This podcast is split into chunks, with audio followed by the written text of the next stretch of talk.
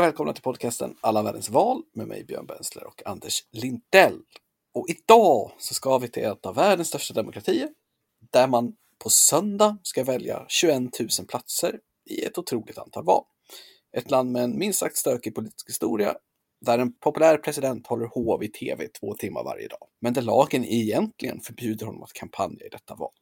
Vart ska vi Anders?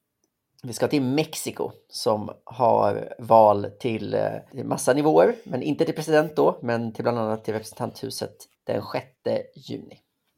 Ja, Mexiko ja, och precis. Och det är ju ett enormt land som man kanske borde veta mycket om, men egentligen så visste man ganska lite om det och det är därför det varit ganska kul att läsa på här, för att de har några specialgrejer med sitt politiska system som man inte hade stött på innan. Verkligen. Eh, ja, men vi sa väl att enkla, ett enkelt sätt att förstå det är ju att, att det är hyfsat likt systemet eh, som man har över gränsen i norr, alltså i USA. Eh, det är liksom en, det är en enorm, ett enormt land som fungerar som en federation. Man har 31 delstater som alla har ganska liksom egna eh, lagar, alltså väldigt, väldigt självständiga. Man kunde ha haft en, en hel del olika demokratiska system och olika eller inte olika demokratiska system, men en del olika regler och sådär. Man har också, eh, och man har organiserat det på nationell nivå ganska likt då att man har en president, man har ett, eh, en senat och ett representanthus som väljs på, på lite olika sätt. Då.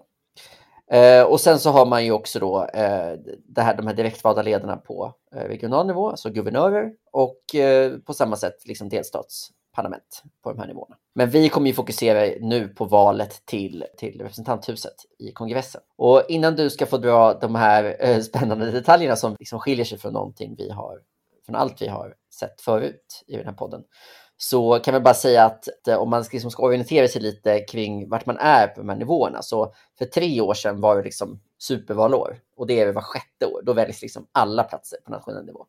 Då väljs eh, presidenten på en, en sexårsperiod. Han får bara sitta eh, i en mandatperiod. Och sen så väljs också senaten på en sexårsperiod och sen väljs eh, de övriga kongressledamöterna på treårs, en treårsperiod. Så de väljs ut idag, eller byts ut då i det här valet. Tidigare också, så har det också funnits begränsningar på de här kandidaterna så att även de bara får sitta en period var. Så det har varit eh, en, en jäkla liksom omkastning hela tiden. Men det har man då bytt ut inför det här valet, om jag förstår allting rätt. Så att nu ska det då helt enkelt eh, väljas eh, även då i val där, där det finns sittande kandidater som sitter kvar. Ja, och om den förändringen är sådär så är den ju väldigt eh, välkommen troligtvis. För att det måste vara ganska jobbigt att ha Fem, ja. 500 nya varenda gång. Hur, det måste vara ett konstigt sätt att bygga ett liksom, fungerande politiskt system. Det behövs ju några rävar kan man ju tänka. Mm. Men apropå konstigt sätt att bygga ett politiskt system då.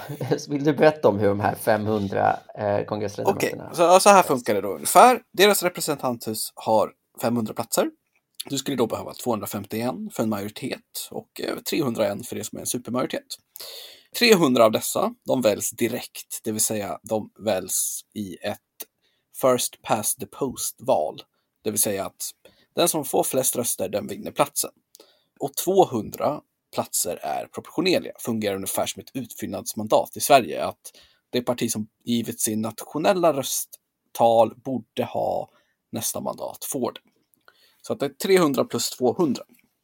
Och de här 300 är då uppdelade på olika distrikt med olika storlek i olika regioner. Och även utfyllnadsplatserna fylls regionalt. Eh, okay. Men då finns några specialregler här som är väldigt speciella.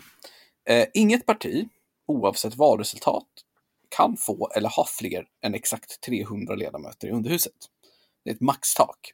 Detta för att inget parti ensamt ska kunna genomföra konstitutionsförändringar, som då kräver 301 röster. Så om du skulle vinna 300 platser med 52 procent av rösterna så spelar det ingen roll för dig om du hade haft 70 istället. Det är därför som partierna bildar allianser med varandra och valallianser. Och även i detta val som vi kommer komma in på snart så är det två allianser som står mot varandra. Mm. Och det är då viktigt att inte kannibalisera de små partierna om man vill ha mer än 300 platser.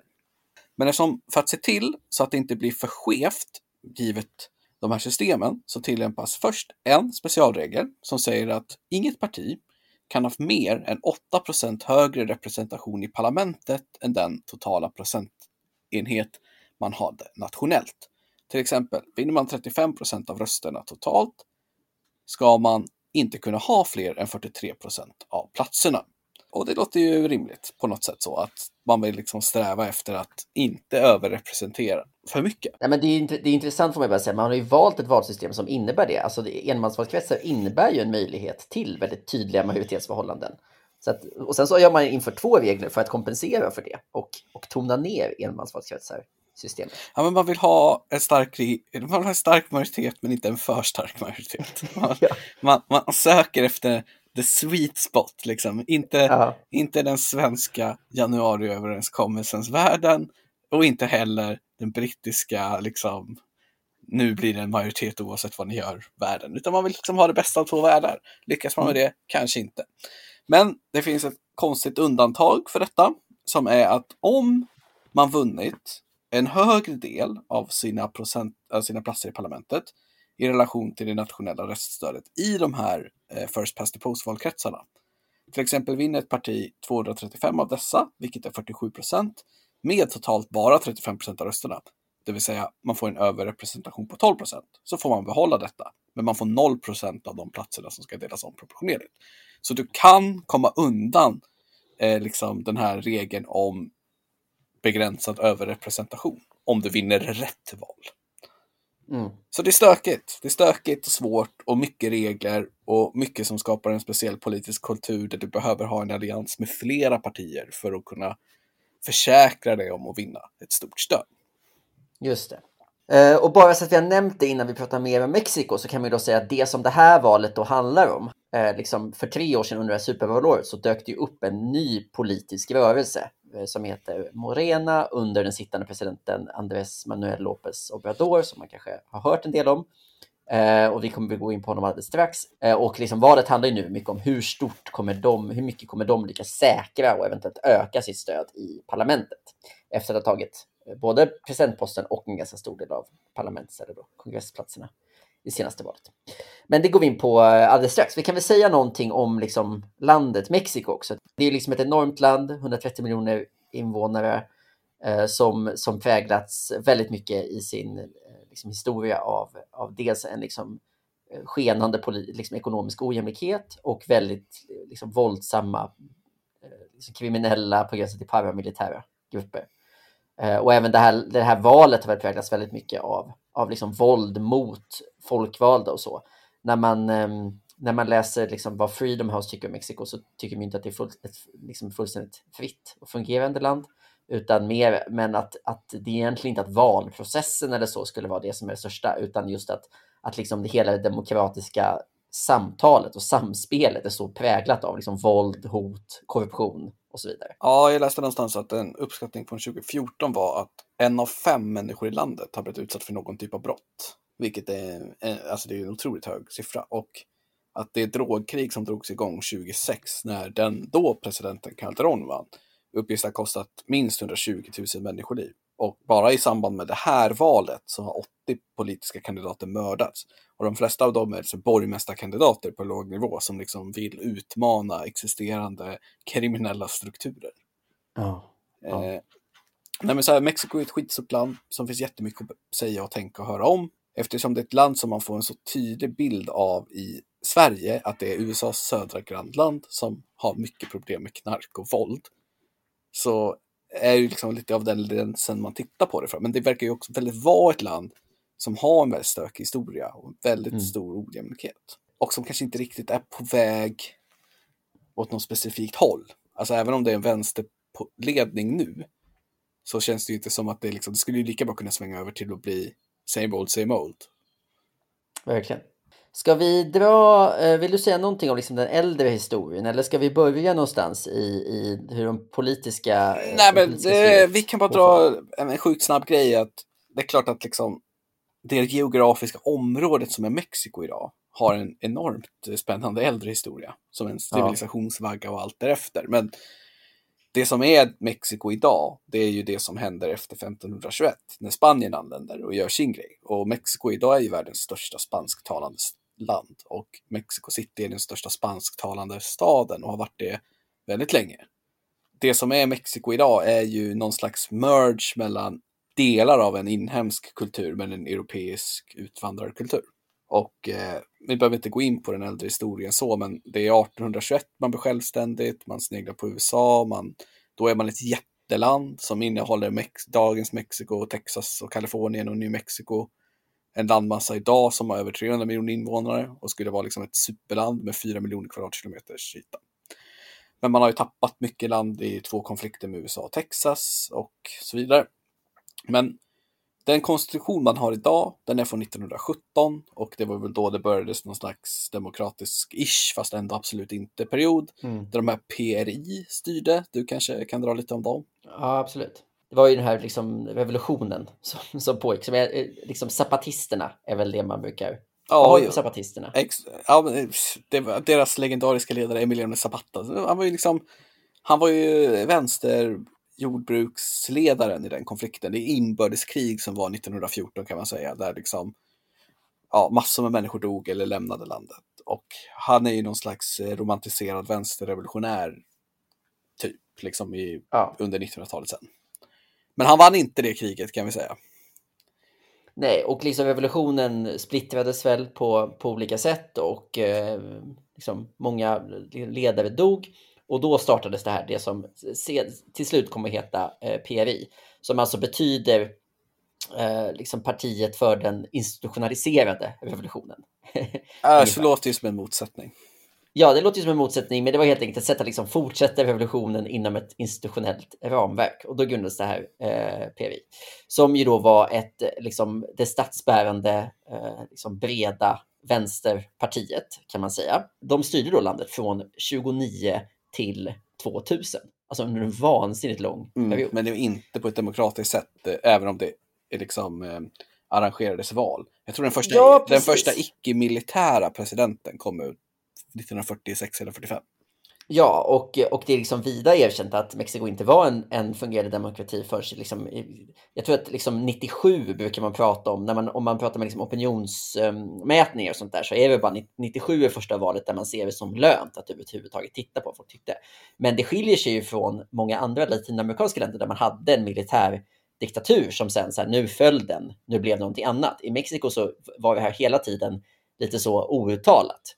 Och det var väl eh, som vi, vi, vi har ju nämnt honom förut, Mario Vargas Llosa, den peruanska författaren, han har kallat Mexiko för liksom, den perfekta diktaturen, för att det aldrig ens erkändes som en diktatur. Eh, det bara var en, en eh, ohotad regering som körde på. Och eh, PRI då, de är ju med i Socialistinternationalen, det är liksom benämns som ett, ett vänsterparti. De har själva liksom använt en sån retorik och så. Men i praktiken så började man väl redan på 80-talet styra om det till en mer liksom, eh, marknadsinriktad och högerpolitik, bland annat för att få liksom, en starkare ställning internationellt, kunna gå med i handelssamarbeten och sånt där. Det är ett vänsterparti som drev högerpolitik och som dessutom var liksom ganska konservativt till sin natur därför att man, var, man ville ändå eh, vinna liksom alla, alla mm, väljare på landsbygden och sådär. Men man konservativ, men en liten inflikning här är ju till skillnad från väldigt många andra latinamerikanska länder så katolska kyrkan typ förbjuden som organisationsrörelse. Just det.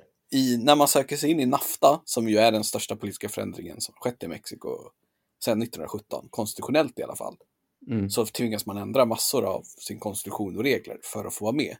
Och ja. vissa av de grejerna är ju ganska självklara om man vill börja handla med USA så kanske man inte ska ha lagar som säger att man kan när som helst upp, upphäva den privata äganderätten för fabriker. det är inte, då får man inte vara med i NAFTA helt enkelt. Det, liksom, det går inte. Men det var även andra typer som, som så här libererade och sen så infördes ju faktiskt demokratin på riktigt snack strax efter NAFTA-medlemskapet. Ja, ja. För 2000 så blev då Vicente Fox och hans parti PAN, som också har funnits jättelänge, president istället för PRI. Och så var PRI snabbt tillbaka på presidentposten 2012, mm. men sen 2018 då så vann Andrés Manuel López Obrador, som ju inte är en politisk nykomling ska ju då sägas, utan han har ju kört förut på olika håll. Okej, okay, men om vi då ska gå in på vilka partier som är uppe och kör den här gången då, Anders. Vad har vi för, liksom, vilka är de stora partierna den här gången? Ja, eh, men om vi, om vi liksom håller oss kvar i, lite i historiska för att, för att få ett sammanhang då, så, så kan man prata om tre största partierna. PRI behöver vi inte nämna så mycket. Det var det statsbärande Vänsterpartiet, stort på landsbygden och stort eh, bland liksom äldre väljare. Så liksom ett hyfsat konservativt vänsterparti, men som i, i praktiken bedrev all möjlig politik. De, deras främsta utmanare var ju länge, eller i alla fall så, så fort det, det i praktiken tilläts, var ju det som kallas PAN, eh, Partido de Acción Nacional, alltså liksom Partiet för nationell aktion eller nationell handling. Och det är liksom ett brett borgerligt parti, sett att beskrivas som kristdemokratiskt ibland, men liksom ett allmänt, allmänt konservativt. Apropå katolska kyrkan och så, så är det de som har varit mest, eh, de har varit emot de här förändringarna om partnerskap och förändringar om, jag tror att dagen efter piller var en stor, en stor debatt i eh, Det brukar vara, graviditet brukar vara en grej i de ja, när det, när det är tilläst. Det här var ju liksom de två stora eh, krafterna och när Mexiko blev liksom demokratiserat ordentligt, då, var vi ju, då kunde ju PAN ta över och när liksom under liksom Eh, Vicente Fox och också Calderón som du nämnde, så det var ju PANs presidenter som på något sätt kom in och som var lite det här ändå nya, ta tag i saker, presidenterna. Och sen så efter det så lyckades PRI komma tillbaka till makten. Så att man kan säga att man under liksom början av 2000-talet har det varit en kamp mellan de här två stora krafterna. Fram tills då 2018, då partiet eh, Morena kom in i, i bilden. Och det här är ju då Andrés Manuel López Obradors eh, parti. Eh, och Morena betyder, det är liksom en förkortning. De älskar ju att ha så lite ordvitsar i förkortningar i Latinamerika, vilket jag, jag tycker också det är härligt. Eh, för Morena är, är liksom, förkortningen är ju Movimiento Regeneración Nacional, alltså rörelsen för nationell generering eller omdaning eller omstöpning eller så. Det är liksom... Omstart typ kanske? Ja, just det. Kanske ännu mer så.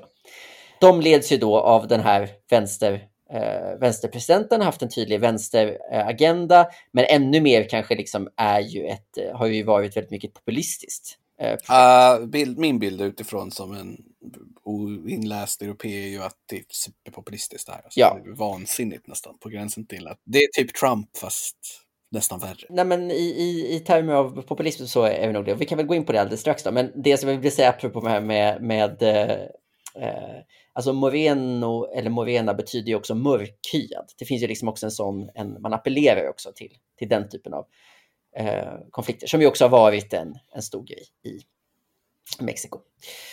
Och man har ju då lyckats liksom slå ut de här två andra partierna. Så att i mätningarna så ligger de här, de, de tidigare partierna som har legat på liksom kring 30-40 procent har nu varit nere någonstans mellan 15 och, och 20 i bästa fall.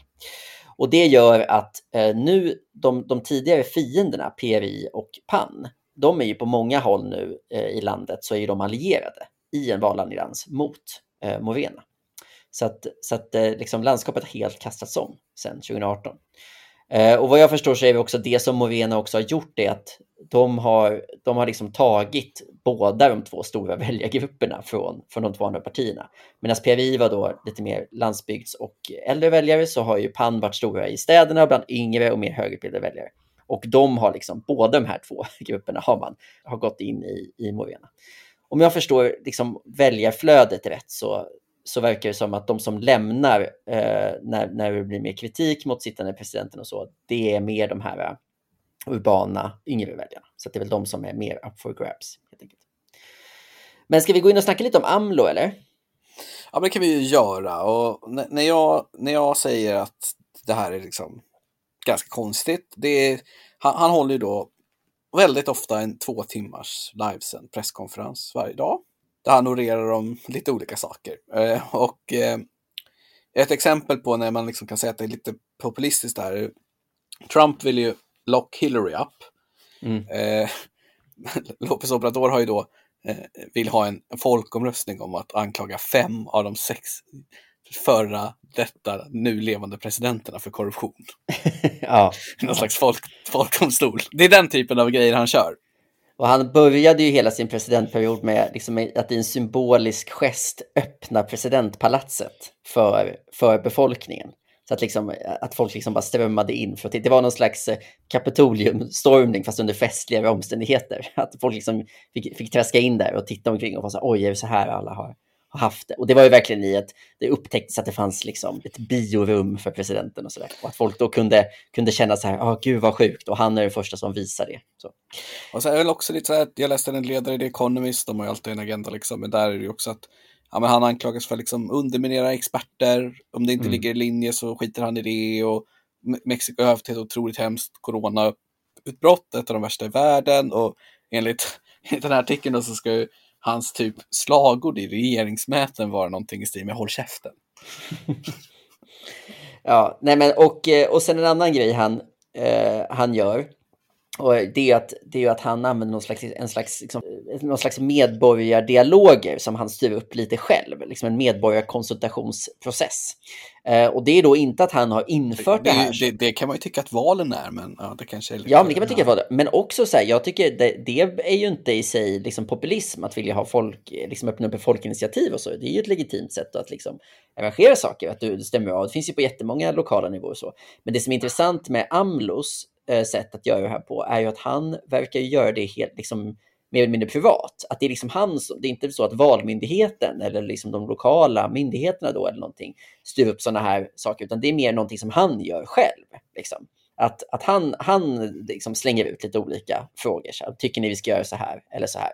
Och det är det som är intressant. Att det, det är inte att det i sig skulle vara fel att, att man frågar folket om saker, även om de ganska ofta är ganska detaljerade. Men, men det finns ändå liksom någonting ganska intressant att han rundar liksom staten, att kanalen blir direkt folket till presidenten i den, den grejen. När han tillträdde för tre år sedan så lade han fram liksom tio sådana processer. Ja, men ge mig, ge, ge mig, ge mig dina topp fem då. Ja, men eh, eh, en del av de här grejerna var ju så här ganska, liksom, vad ska man säga, allmän välfärdspolitik. Så här, höja pensionerna, höja, införa någon slags sjukpension för personer med funktionsnedsättning och så här. Så han, han införde ganska mycket. Men sen var det så här, bygga ett oljeraffinaderi i Tabasco, alltså den platsen. Liksom, alltså så en väldigt liksom, punkt, punktinsats. Två olika så här, tåglinjer. Någonting tror jag om att bygga ett, eh, jag tror att han också gjort något, något sorts bryggeri som skulle byggas någonstans. Det var inte med på den här listan, men det har han gjort också någon gång.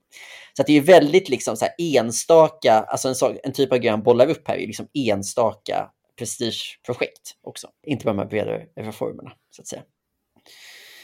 Eh, om vi nämner AMLO mycket så eh, är det också för att det är verkligen Morenas eh, taktik i det här valet. De försöker, eh, också, har också spelat upp presidenten mycket. Eh, och det finns väl en del som tyder på att han har ett större stöd än partiet. Så att, så att partiet har ett intresse av att det, att det här valet, där, som ju inte har någonting med presidenten att göra, ändå blir en folkomröstning om presidenten.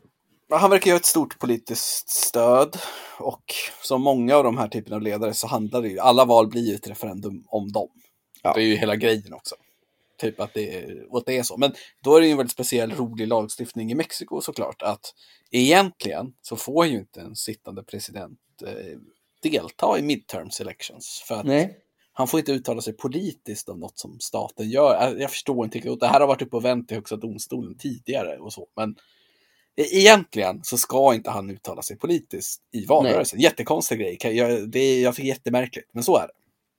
Ja, men det finns ju, jag tycker det, det, det finns ändå en del sådana inslag tycker jag i många presidentiella system. Kommer ihåg i, bara i Portugal så pratar vi om att här, presidenten får inte tillhöra ett politiskt parti för att den ska vara statschef. Men alla presidenter kommer alltid från ett politiskt parti. Det är bara att de sen får avgå innan de blir president. Liksom. Ja, Och det känns som att det är lite samma sak här, att det finns någon slags ideal om att presidenten ska vara en enande kraft på ett sätt som står över allting annat. Men samtidigt så är det liksom stats och regeringschef som ju liksom per definition behöver komma från ett parti och ha förankring i kongressen. och valet gäller basically, ska den här personen få möjlighet att genomföra sin politik de kommande tre åren? Det vill säga. Ja, ja. Så det är inte alls konstigt om han hade fått del. Det är, märkligt att han formellt sett inte får delta, tycker jag. ja. Men vad fan vet jag liksom om det här? Det är i Mexiko. Det är som det är liksom. Men det, i alla fall kan man också säga att coronahistorien har ju verkligen inte varit bra i Mexiko. Mm. Och det har haft ett av de värsta utbrotten i världen som man då tänker borde skada sittande regeringen. Men det har det ju verkar inte gjort överhuvudtaget. Nej, det är kanske Eh. lite där, för att eh, de har också typ en ganska hög eh, vaccinationsgrad nu. Och det känns som att så här, hade de här valet varit för ett halvår sedan, när de bara hade hög smittspridning, så kanske det hade varit eh, liksom sämre. Och nu har de istället en väldigt hög vaccinationsgrad och då kanske det gynnar. Plötsligt. Men för att sammanfatta lite om partierna så kan man då säga att det är ju en historisk händelse det här att PAN och PRI numera är allierade i en valallians mot någon annan. Hade någon sagt det för 20 år sedan så hade någon bara nej, det kommer inte hända. Så det är ju liksom eh, min fiendes fiende min vän verkar gälla här. Eh, Men Ja. vad är det för andra partier som ingår i den här alliansen som Morenos, Morena är? Du vet vad deras allians heter va? Den heter Jontos Hasimonos Historia. Ja, just det. Tillsammans gör vi historien. Ja, det är Morena, det är arbetarpartiet PT som är gamla kommunistpartiet, antar jag. Och sen är det Green Party och sen är det något regionalt parti. Mm. PES. Och Vapor Mexico är PAN, PRIO, PRD. Men eh, verkligen säga att man röstar inte på alliansen utan man röstar på partierna. Det är bara för deklarerat hur man, att man kommer liksom agera ihop som en majoritet om man får den möjligheten. Precis. Eh, ja, och vad säger liksom, vilka frågor är högt på agendan då, Anders? Vad är, vad är det på dagordningen som gäller? Ja, men det verkar ju, vad jag har förstått det som, så börjar vi lite tappa det här med eh, att det inte är så mycket ett coronaval som man tänkt att det skulle kunna vara. Utan att man faktiskt, att det har blivit andra frågor. Då. Eh, en sak som är intressant är liksom att, att korruptionen fortfarande är ett så stort problem. Och det, är ju som, det känns som att vi nämner det i nästan alla avsnitt. Men det som är intressant här är att det verkligen blivit att alla, eh, alla har det som, som sitt, sitt case, att de andra är korrupta. Så det är bara något som, som kastas runt. Det verkar också finnas en, eh, liksom, det är ganska mycket med ekonomin. Man har ju tappat, vad var det, man hade en BNP-försämring på 8 procent eller någonting. Jag har inte framför mig, men eh, under, under 2020. Så man har ju slagits väldigt hårt av pandemin. Och sen så är det ju en fråga som har varit besvärlig för eh, AMLO, eller för Morena, är att en av guvernörskandidaterna, som ju också väljs nu, har blivit anklagad i, för två liksom, uppmärksammade fall av, av våldtäkt. Och det här är ju Oj. ändå liksom, eh, det här är ju, liksom Morena är ju det närmsta av de här tre partierna man kommer någon slags liksom, feministiskt parti. Det är ju ändå där, liksom den, det är ändå i den delen av, av Mexikos politik som de krafterna har samlats och så. Så att det har funnits en stor förväntan internt på att AMLO ska gå ut och typ eh, kanske ta avstånd från den här kandidaten och kanske på något sätt se till att, han, att, han inte, att det inte är en, en frontrunner. Och det har han inte gjort. Han har tvärtom liksom backat. Det är klart han inte har. Ja, det är klart. Det, det är klart. Eh, och, det, och det kan man ju säga om AMLO, att han, är, han må vara populist på så vis att han har ställt en del liksom, ledande frågor i olika, i olika liksom, påhittade opinionsundersökningar. Men han har också varit väldigt orädd inför att liksom, gå hårt åt men, kanske så här, civilsamhällesorganisationer som har kritiserat honom, eller i det här fallet då en feministisk intern opinion och sådär. Finns det några kända kvinnliga politiker i Mexiko? Ah, knappt alltså. Det finns, alltså jag vet att till exempel eh, Movena har en eh, kvinnlig guvernör i Mexico City som heter Claudia Sheinbaum. Så att eh, det finns väl en del och det är väl antagligen, tänker jag, det måste ju vara en hyfsat tung, eh, tungt namn liksom.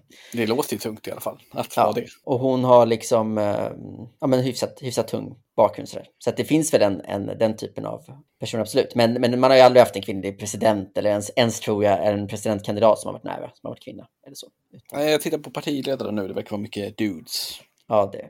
Men det här har i alla fall AMLO behövt eh, förhålla sig till. Då, att det var liksom stora protester i mars utanför liksom, eh, eh, regeringshögkvarteren och, och så mot för att han inte har hanterat det här. Och just internt en stor. Jag tror att det var liksom 500 prominenta medlemmar i Morgana som hade skrivit under något upprop mot honom. Och, sådär. och det som är liksom det roliga i, eller roliga, men liksom det dråpliga i det här, att den här kandidaten då hade dessutom sen misslyckats med att lämna in någon blankett om partifinansiering. Så att han är ändå diskad nu, men av, av tekniska skäl. Och det är istället hans dotter som kommer köra det här valet. Ja, Speciellt, det är alltid, alltid, alltid, alltid kul när en blankett missas tycker jag. ja. Nej, det gick inte. Nej. Fan alltså. Ja, men som jag har läst i alla fall så stora frågan är ju våld och osäkerheten då. Ja, Det, är ju ja. liksom, det överskuggar Mexican society. Att på något sätt så måste ju folk vara jävligt trötta på att leva i så våldsamma miljöer. Ja. Och man är liksom, någon måste försöka fixa det, men det blir ju aldrig fixat. Nej. Men den har jag läst att den är stor, sen är det ju ekonomi såklart. Och jag, jag har läst att BNP sjönk under 2020 med uppskattat 8 procent. Så det är ju en ekonomisk Mm. Ja, så. katastrof i annalkande också. Som Mm. inte heller verkar ha drabbat styrande parti negativt. Ja, det är spännande det där, vad som liksom påverkar och vad som inte påverkar. Ja, precis. Nej, för det får man väl, om vi ska runda av med någon slags gissning, så är det ju ändå, eh, det, det, det är inte troligt vad jag förstår att man kommer nå de här tre, den magiska 300-gränsen. För, In, inte själva, men som jag ser det, de verkar garanterat få majoritet, den här eh, alliansen, Precis. enligt de senaste mätningarna. Mm. Och det ser troligt ut att de kommer samla upp mot 300. Liksom. Det är Ja, därför det är det så. är Det jag intressant det att följa. Ja. ja, okej. Men, men det har varit lite svårt att göra mätningar som de har gjort förut. Och det är allt. Så man får se, det är lite öppet liksom. Ja. Men att de inte skulle få majoritet verkar uteslutet. Precis, och sen verkar det som att man eh, verkligen gör ett, ett stort språng även på lokal nivå. Alltså i, i, i mätningarna så leder eh, Morena i 14 av 15 av de här guvernörsracen. Och då kan man säga att totalt sett så har de ju sex guvernörer eh, idag. Liksom. Så att, eh, så att det är där man, man bygger ju en, en starkare bas, får man också, lokalt sett. Ja, det är också intressant att man bygger bas när det är jätteuppenbart att om inte han ställer upp igen så är den här politiska rörelsen död.